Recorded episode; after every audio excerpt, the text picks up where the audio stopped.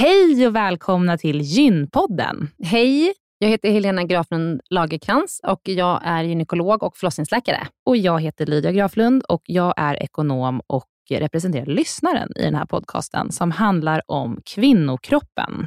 Det är vetenskaplig fakta om kvinnokroppen och det du hör i den här podden är det som man kan höra om man får träffa en läkare eller en barnmorska i ett eh, möte.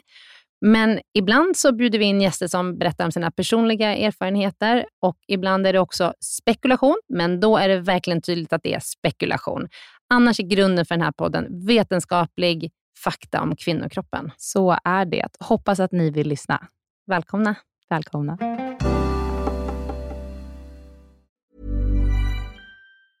Quality sleep is essential. That's why the Sleep Number Smart Bed is designed for your ever evolving sleep needs. Need a bed that's firmer or softer on either side? Helps you sleep at a comfortable temperature? Sleep Number Smart Beds let you individualize your comfort so you sleep better together. JD Power ranks Sleep Number number 1 in customer satisfaction with mattresses purchased in-store. And now, save 50% on the Sleep Number limited edition Smart Bed for a limited time. For JD Power 2023 award information, visit jdpower.com/awards. Only at a Sleep Number store or sleepnumber.com. Den här veckans avsnitt av Gynpodden är sponsrad av Ester Care. Och Helena, det är ju det bolaget, vårdbolaget, som du och jag har varit med och startat, där vi erbjuder digitala vårdmöten med specialister inom kvinnovård. Precis.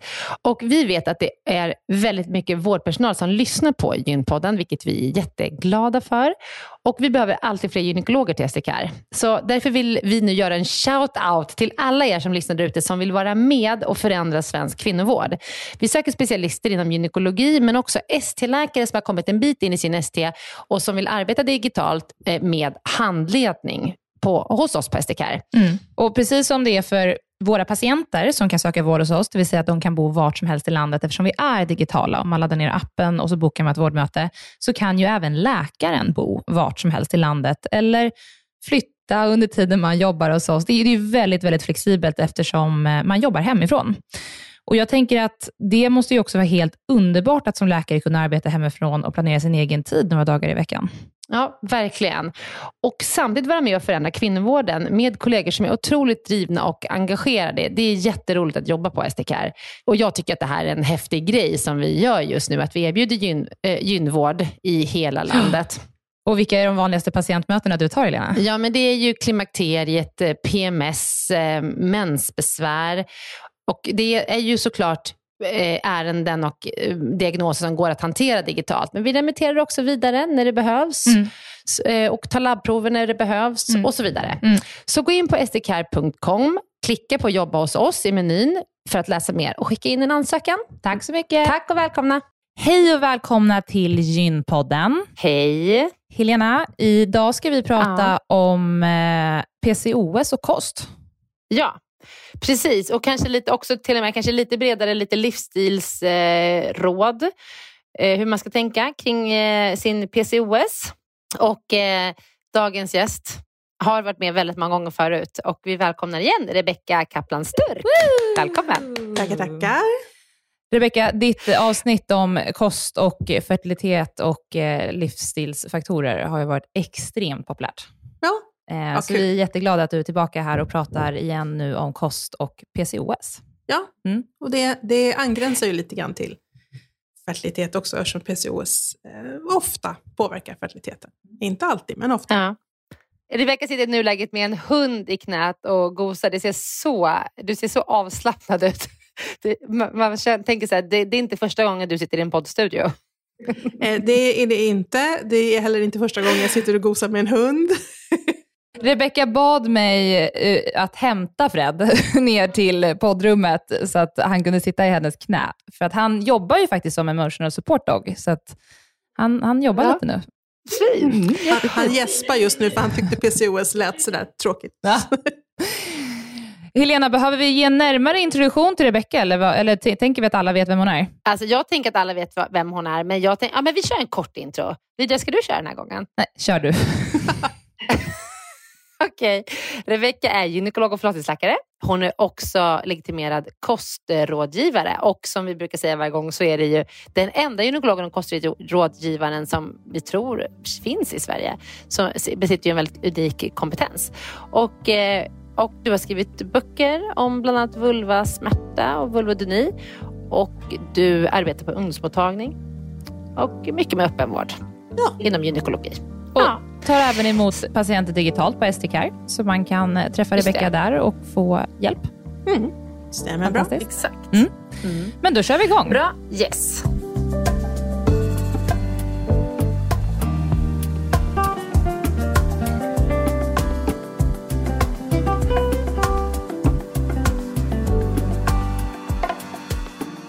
Eh, Helena och Rebecka, vill ni börja med att berätta, återberätta vad PCOS är? Vi har ju haft ett avsnitt om bara det för ganska länge sedan. Men vi kanske kan börja med att prata om vad det är i medicinska termer. Mm. Eh, PCOS står för polycystiskt ovariesyndrom. Det är den allra vanligaste endokrina rubbningen, alltså hormonrubbningen hos kvinnor. Eh, ungefär 10 procent av alla kvinnor uppskattar man har det här. Men det, det, i vissa befolkningsgrupper så är det faktiskt ännu vanligare. Om man tittar kring Medelhavet och Mellanöstern så är det upp mot 20 procent som har PCOS. Jaha, det visste inte jag att det var högre där. Det är det. Och det Men jag, det, jag har Mm. jobbat i ett område i eh, Stockholms utkant där det är väldigt mycket eh, alltså antingen första generationens eller andra eller tredje generationens invandrare från just Mellanöstern. Och eh, PCOS var ju med lätthet den vanligaste diagnosen vi hade på den mottagningen. Mhm. Men är det genetiskt Mm. då, eller? Ja, det är, till, liksom, till stor del är det ju genetiskt. Sen är det så att eh, vikt spelar också roll, för det, man kan ju ha liksom, eh, den genetiska grunden eller förutsättningen för att få PCOS, men att det inte bryter ut om man är ganska smal. Eh, så att det är kopplat till andra saker också, men, men visst ser man att det går i arv eh, från föräldrar till barn. Och inte bara från mamma till barn, utan även på, på pappas sida så går det i arv.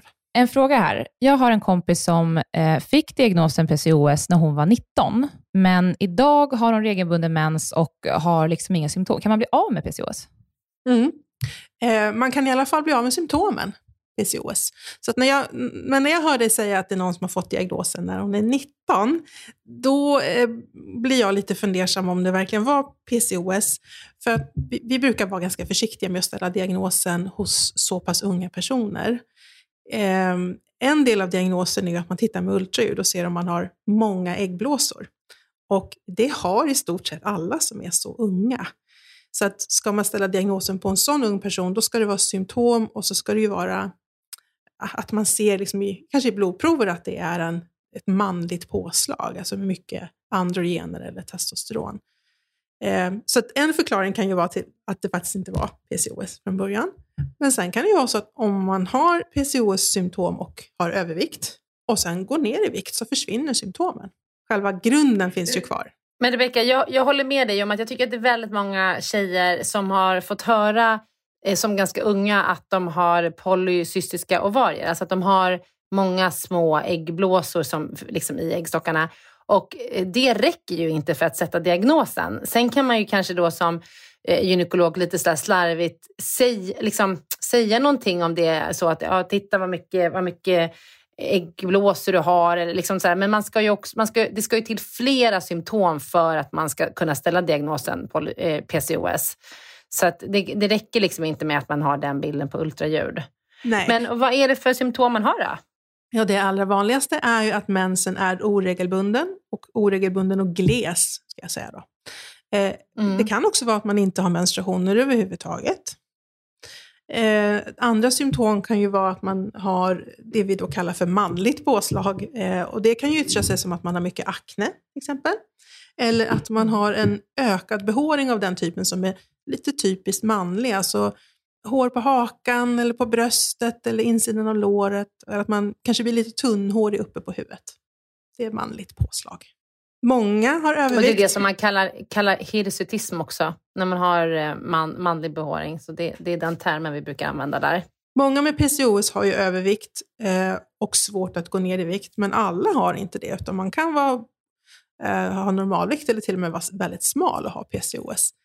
Men något som man brukar se även hos de som eh, har normalvikt, det är att de har ganska stort midje-höftkvot. Så om man mäter midjan och så mäter man höfter och så delar man dem med varandra, så ser man att de här personerna har en ganska stor midja i förhållande till sin höft, sitt höftmått. Det vill säga att man är lite rak i formen eller formad lite som ett äpple. Och vad beror det på då? Ja, det beror ju på att man har en högre testosteronnivå. För testosteron gör att vi lagrar fett typiskt liksom mitt på magen. Mm. Medan östrogen gör att vi lagrar fettet på rumpa och lår och då mera blir formad som ett päron. Eh, Helena, mm. vi pratade om det här i klimakterieavsnittet, så lägger man ju på sig mer runt magen. Mm, exakt, det är för att östrogennivåerna sjunker då. Just det. Precis, så, eh, men om man då har eh, eh oregelbunden eller ingen mens eh, och har då bild som vid eh, polycystiska äggstockar när man gör ett ultraljud och sen kanske man till och med tagit labbprover som bekräftar den här bilden. Vad, vad ger du för råd till de här kvinnorna, Rebecka? Det beror ju väldigt mycket på vem det är jag har framför mig. Det beror ju på hur gammal den här personen är. Om eh, den här personen har övervikt eller inte. Eh, vilket symptom som är mest besvärande. Så här måste man verkligen skräddarsy råd och behandling. Om det är en person som eh, vill bli gravid och ha övervikt, ja, då jobbar vi väldigt mycket med kost och träning såklart, kosttillskott. Är det en ganska ung person som inte alls är intresserad av graviditet just nu, men som är jättebesvärad av akne och ökad behåring, då kanske kombinerade p-piller blir förstahands förstahandsvalet som behandling. Så att, här får man mm. skräddarsy. Mm. Och vad säger du om menstruationerna? Alltså hur ofta be behöver man ha mens så att säga? Mm. Vi vill ju gärna att man ska ha en mens tre, fyra gånger per år i alla fall. Eller någon typ av blödning. Alltså mens är ju egentligen, om vi ska vara riktigt kinkiga, så ska det föregås av en ägglossning. Eh, och helst vill vi få igång en ägglossning hos någon med PCOS också. Men, men om det inte går så vill man åtminstone få en blödning så att livmoderslemhinnan eh, töms ut ur livmodern och inte är kvar och växer till. Så att de, de som inte alls menstruerar, eh, då gör man ofta så att man ger hormoner kanske en gång per kvartal för att framkalla en blödning. Eh, om man det är för att man inte ska få cellförändringar inne i en livmoderslemhinna som liksom inte kommer ut spontant. Så att man vill, ja, fyra gånger per år. Hur skiljer det sig från om man inte har mens om man har en hormonspiral till exempel? Ja, för har du en hormonspiral, då är det så att då har du ju ingen blödning därför att livmoderslemhinnan är alldeles supertunn, jättejättetunn. Och då är ju det ett skydd mot att få tjock slemhinna och att få cellförändringar. Så det är ju det är en annan mekanism. Mm. Om man inte har någon menstruation för att man har ett hormonellt preventivmedel som har stängt av menstruationen eller gjort den väldigt sparsam, det är ju en sak. Men att inte menstruera när man är sig själv hormonmässigt, det är ju en annan en annan mekanism.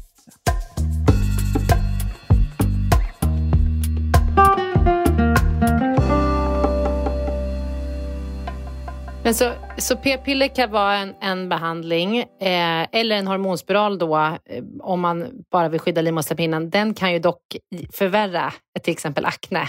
Ja. Så har man besvär med akne så kanske man inte ska välja det i första hand. Men eh, någonting som vi faktiskt glömde nämna i våra tidigare PCOS-avsnitt, det är Metformin.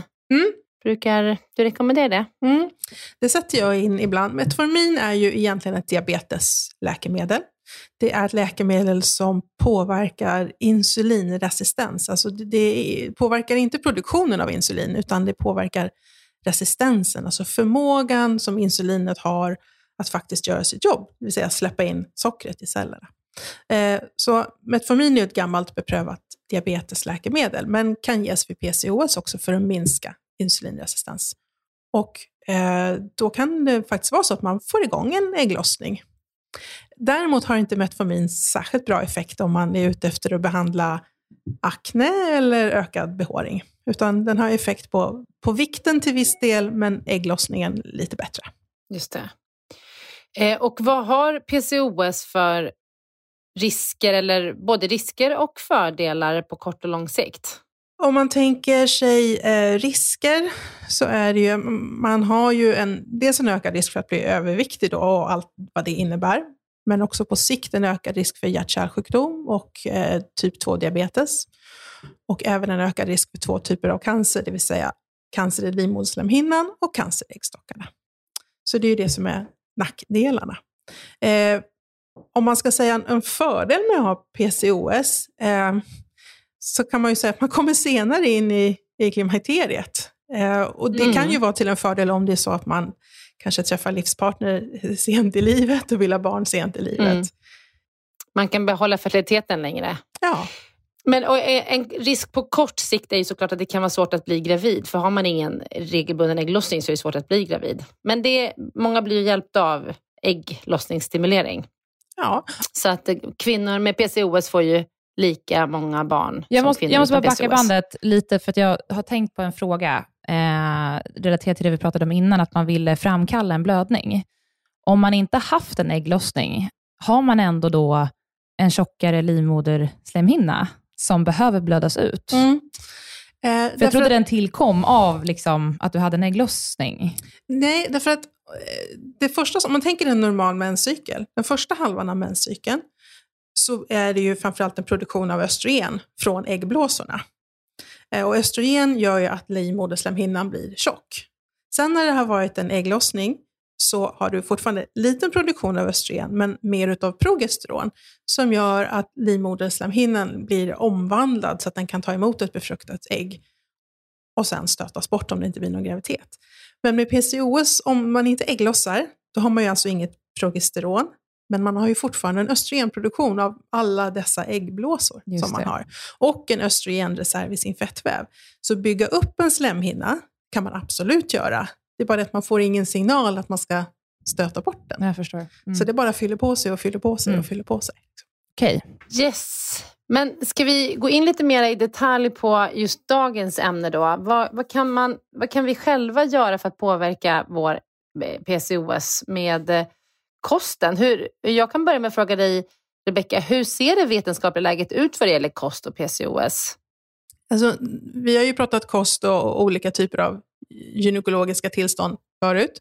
Och PCOS är faktiskt det tillstånd där vi har mest på fötterna. Där det är mest studerat och där vi faktiskt också kan säga att kost har jättestor betydelse.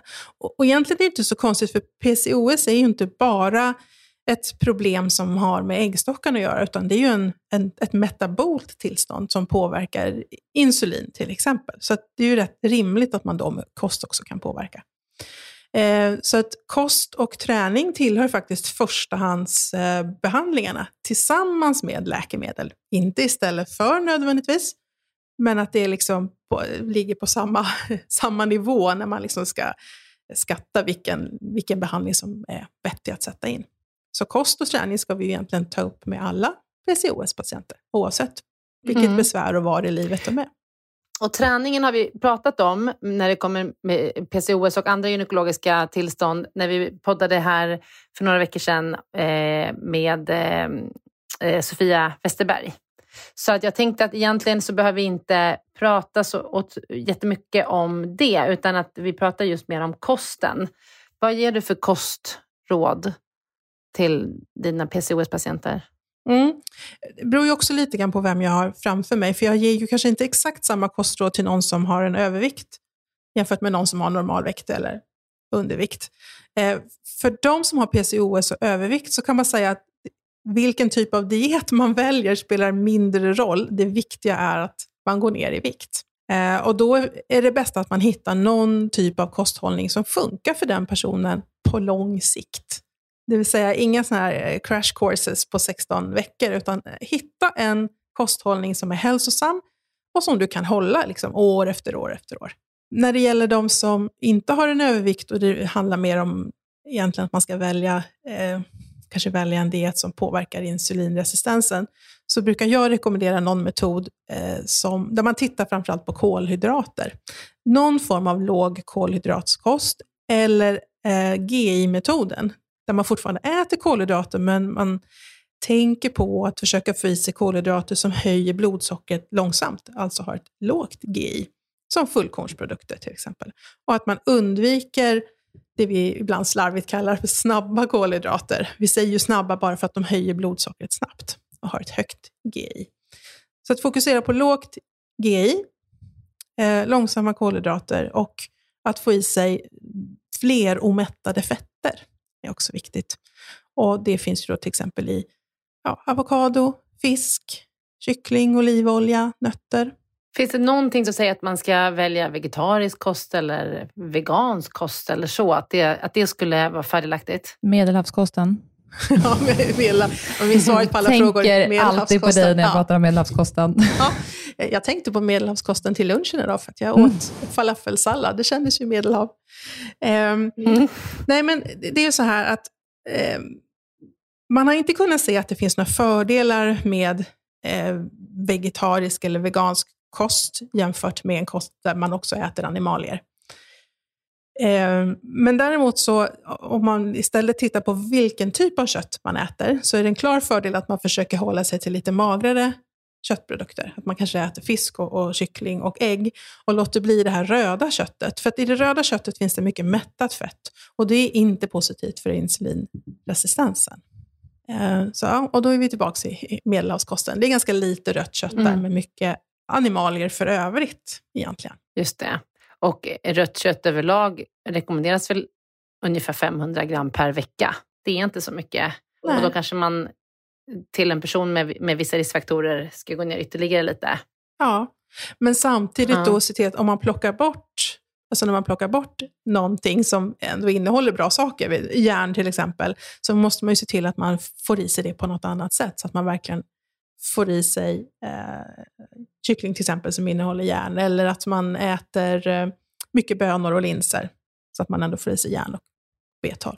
Finns det mm. någon specifik eh, kost som är absolut supernegativt om man just har PCOS? Det här borde man verkligen, verkligen inte äta. Um, den, om man tänker en typ av högfettkost, där eh, fettet kommer mycket från rött kött, feta mejerier, alltså att det är mycket eh, ska säga, vispgrädde och, och feta såser. Det är inte positivt för PCOS, därför att det eh, kan snarare öka på insulinresistensen. Eh, däremot högfettkost, när man får i sig fett framförallt från eh, de här fleromättade källorna, det vill säga avokado, olivolja och så vidare, den är bättre mm. i så fall. Så att en, en, grekisk yoghurt är liksom inte med 5 fett, det, det ska man inte äta? Fem tycker jag låter bra. Grekiska okay. yoghurten brukar vara 12, 10, 12. Ja, ja, okay. Det är klart att man kan äta det i mindre mängder, men ja. problemet blir ju när man liksom byter ut alla kolhydrater till exempel mot eh, majonnäs och vispgrädde.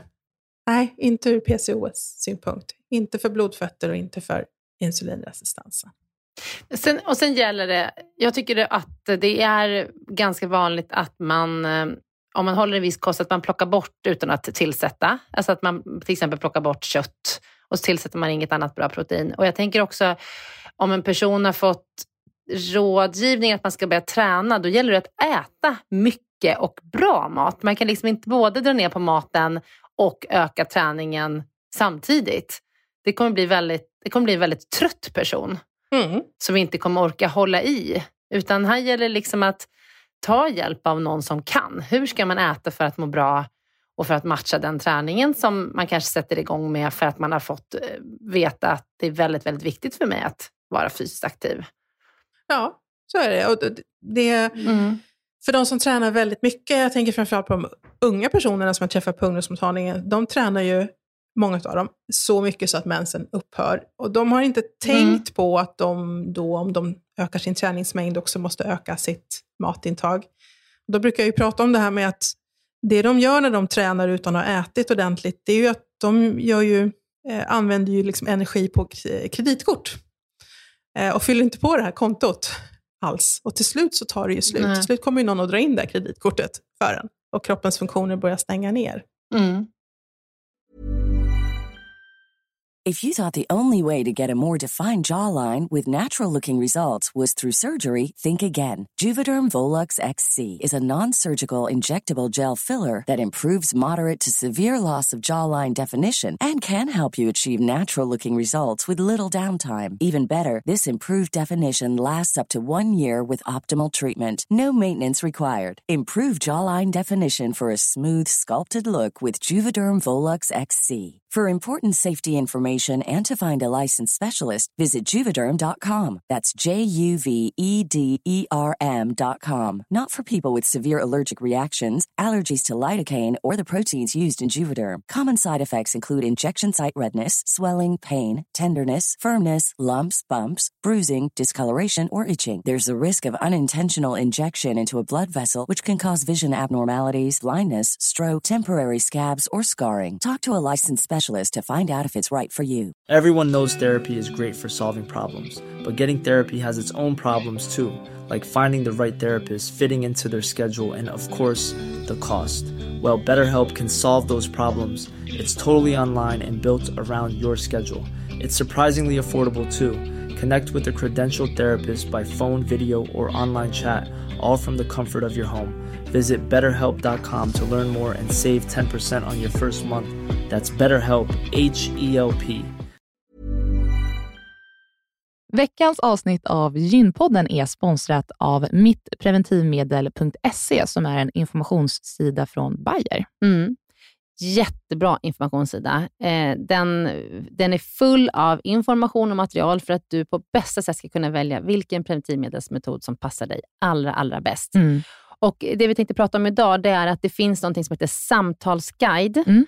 På den här sidan. Mm. Och Det är ett formulär där man har, får en massa frågor, till exempel så här, att komma ihåg att ta med preventivmedel dagligen är inget problem för mig, eller ibland svårt, Mm. eller inte min grej. Mm. Eller eh, om jag blev gravid nu och så vidare. Liksom. Så att man får kryssa i en massa frågor och ta ställning och fundera innan du Mm. träffar din gynekolog eller barnmorska, så att du liksom verkligen får med alla frågor som är viktiga för dig i det där mötet. Ja. Så man kan fylla i den på den här hemsidan, så kan man skriva ut den här blanketten och ta med den. Ja. Jag skulle säga att, att det verkar som att det är framförallt fyra kategorier som Mm. är väldigt viktiga. Och sen, Mm. så, sen så spelar det ju in vad du har tagit innan och hur det har funkat för dig och, Mm. sådär, och din historik. Men det verkar ju som att det handlar mycket om hur liksom ordningsam man är, eller hur strukturerad man är, att kunna ta någonting dagligen. Mm. Eh, hur viktigt det är att man inte blir gravid. Eh, användning av hormonella preventivmedel eh, och om man vill påverka sin menstruation på något sätt. Mm. Så det verkar som att det är de fyra kategorierna som man, man bör fundera på innan Mm. man väljer ett preventivmedel. Man får bra guidning i hur man ska svara på de här, eh, med olika kategorier och olika svar. Och Sen så tar man med sig det till sitt möte med barnmorska och gynekolog och då är man väl förberedd. Mm. Och Jag lovar er att om ni gör det här innan ni går eh, till en barnmorska eller gynekolog, då kommer ni få mycket bättre hjälp. För att det här är liksom ingenting som bara finns i en, utan man måste liksom fundera lite på Ja. så vad är viktigt för mig. Vill jag ha mens eller inte? Ja. Och så vidare. Så att, gå in på mittpreventivmedel.se och titta runt där och gör den här eh, ja, samtals, samtalsguiden. samtalsguiden. Tack Bayer för att ni har utvecklat denna braiga sida om Ja. preventivmedel. Den är otroligt bra. Mm. Tack så jättemycket. Tack.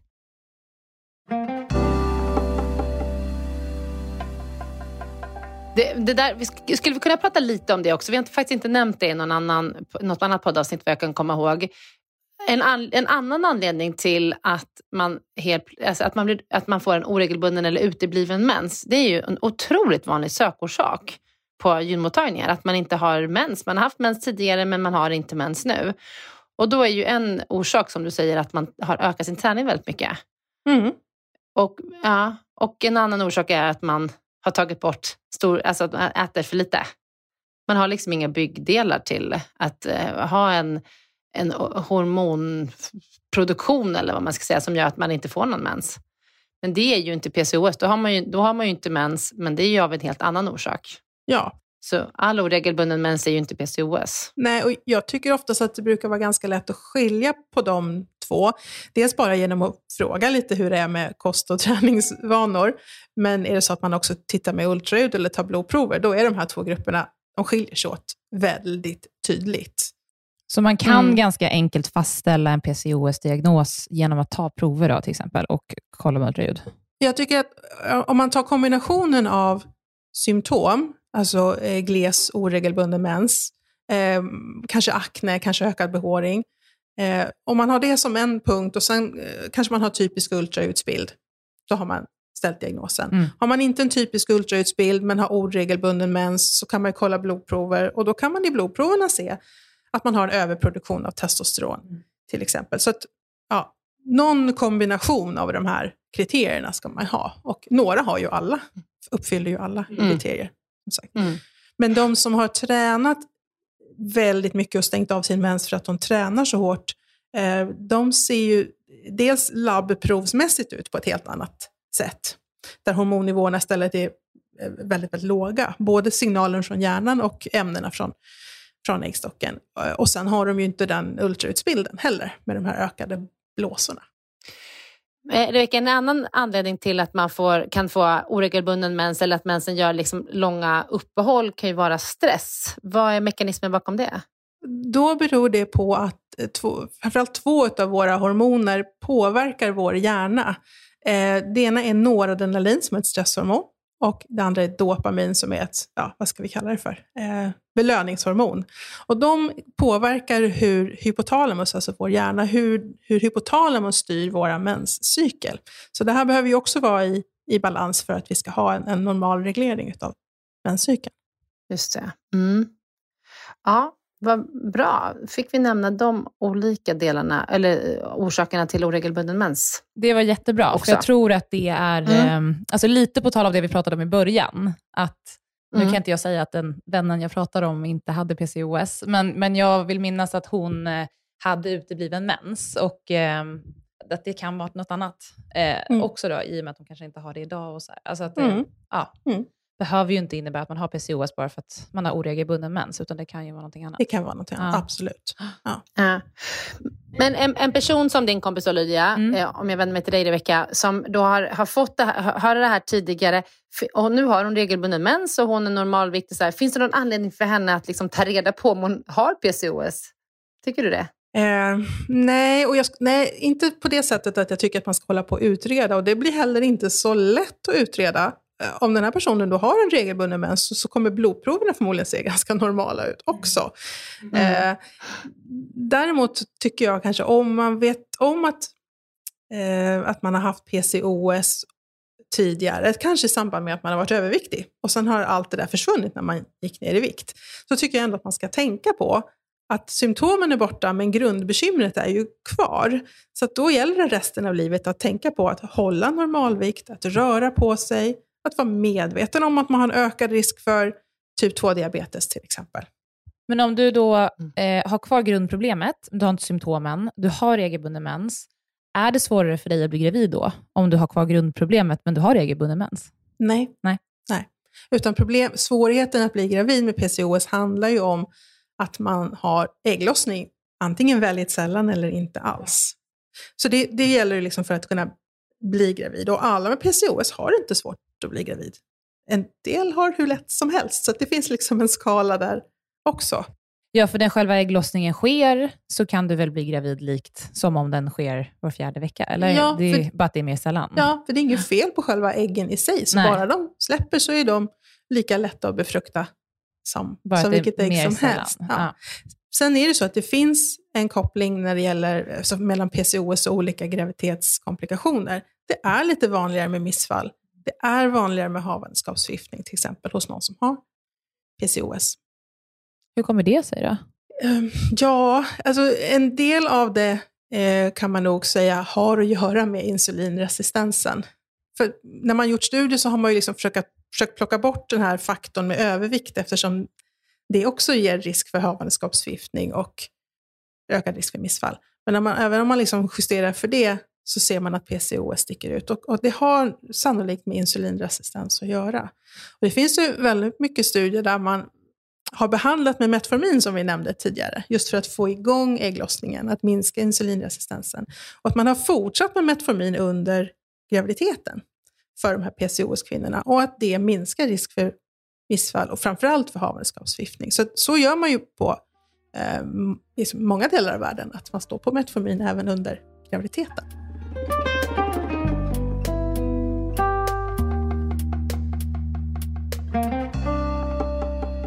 Så bra Rebecka.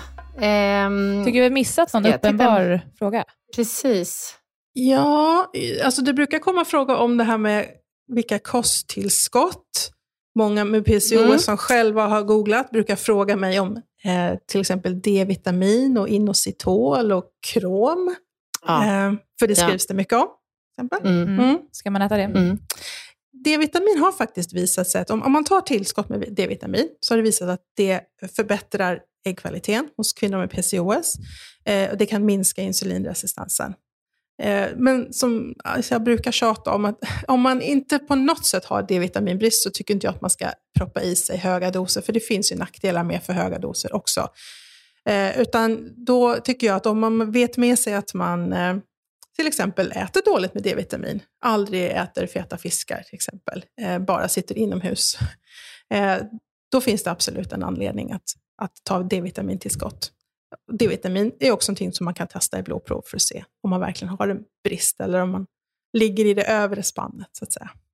Men det är många med PCOS har en D-vitaminbrist när vi liksom kollar, så att det är ju inte ovanligt att man behöver eh, tillföra det i kosttillskott. Och tänka på att man får i sig det via kosten såklart. Mm. Och vad sa, vilka kosttillskott nämnde du mer? Inositol brukar det många fråga om. Mm. Eh, för Mm. att om man googlar kost och PCOS så kommer det upp ganska tidigt. Eh, inositol är ju egentligen ett eh, kroppseget ämne, det tillhör B-vitaminerna. Och inositol har visat sig att det kan eh, minska insulinresistens. Eh, att det kan hjälpa till om man vill gå ner i vikt till exempel. Att det också eh, kan göra att det är lättare att få igång en ägglossning. Eh, och då finns det två olika former av det. Eh, Myoinositol och D-kiroinositol. Det bästa är egentligen om man kan hitta ett kosttillskott som innehåller bägge. Det man ska veta om med det, det är att det är ett ganska dyrt preparat. Eh, om man har tittat på studier så det har effekt, men det är ju liksom inte sån här effekt som man ramlar av stolen direkt. Så att jag brukar väl kanske rekommendera det om det är någon som försöker bli gravid, har PCOS och vill bli gravid. Att man kanske tar det under tre till sex månader. Men det är inget jag skulle rekommendera att man tar dag ut och dag in för att minska eh, PCOS-symptom för övrigt. För det, vi har inte data för Då långtidsbruk och det är för dyrt. Och det finns bättre metoder, precis. Ja, Mm. precis. Det är ju så. Mm. Mm. Och så sa du krom också? Ja, krom är det många som frågar om. Eh, krom har ju gjort sig känt lite grann för att det ska minska sötsug. Det, det finns det studier som visar och det finns studier som visar att det inte gör det. Men det påverkar också insulinresistensen. Eh, krom finns ju ofta i såna här multivitaminpreparat. Så att det är ju någonting som, om man köper ett multivitaminpreparat på apotek till exempel, så, så kommer krom att finnas med där. Man behöver inte ta det extra, oftast inte i alla fall. Nej. Okej, toppen. Gud, nu bra. har vi missat någonting, eller? Är vi, har vi fått med allt nu? Ja, vi har fått med allting. Rebecka bläddrar i sina har, papper. alltså, jag, har, jag har en hel bok här, höll jag på att säga. Eh, jag tänkte så här, vi skulle, inte prata, vi skulle inte prata träning för det hade ni pratat om. Men någon Mm. annan, en annan grej som har med livsstil att göra, som är faktiskt viktigt att tänka på med PCOS, det är sömn. För sömnbrist i sig är ju faktiskt kopplat till insulinresistens och övervikt. Så det är också någonting som man ska prata med sina PCOS-patienter om. faktiskt. Antal timmars sömn per dygn och sömnkvalitet och så vidare. För Hur många timmar ska man sova? Sju till åtta. Om man tittar på insulinresistens i alla fall. Man ser tydligt att de som sover fem, sex timmar har en högre grad av insulinresistens och lättare för att gå upp i vikt än de som sover sju till åtta. Däremot finns det ingen vinst med att sova 9-10 timmar, även om det är väldigt skönt ibland. Men ur insulinresistenssynpunkt så finns det ingen vits med det. Tyvärr. Okej. Ja. Så allting som vi vet att vi mår bra av ska man tänka på. Äta bra, sova gott, träna. Ja. Inte stressa. ja. Ja. Eller, in, eller inte, inte, det här med att säga inte stressa. Eh, det är som att Ja. säga tänk inte på en rosa elefant. Då tänker du på en rosa Nej. elefant. Eh, hitta tid för återhämtning. Hitta tid för vila. Mm. Planera in återhämtning. Och Mm. Se till så att du får din nattsömn, låter Ja. det som. Även Mm. om det kan vara lättare sagt än gjort. Ibland. Ja, men Mm. det beror på var i Mm. livet man är. Har man småbarn så ja, är det överkurs kan man Mm. säga. Ja. Exakt. Men Rebecka, tusen tack för all din kunskap. Helena, eh, någonting mer? Mm. Nej, jag kan inte komma på någonting. Eh, Du är ett uppslagsverk. Tack så hemskt mycket för att du kom och eh, poddade om det här med oss. Och på återseende. På Rebecka. återseende. Mm. Tack snälla. Tack, hej. Tack, tack. Hej.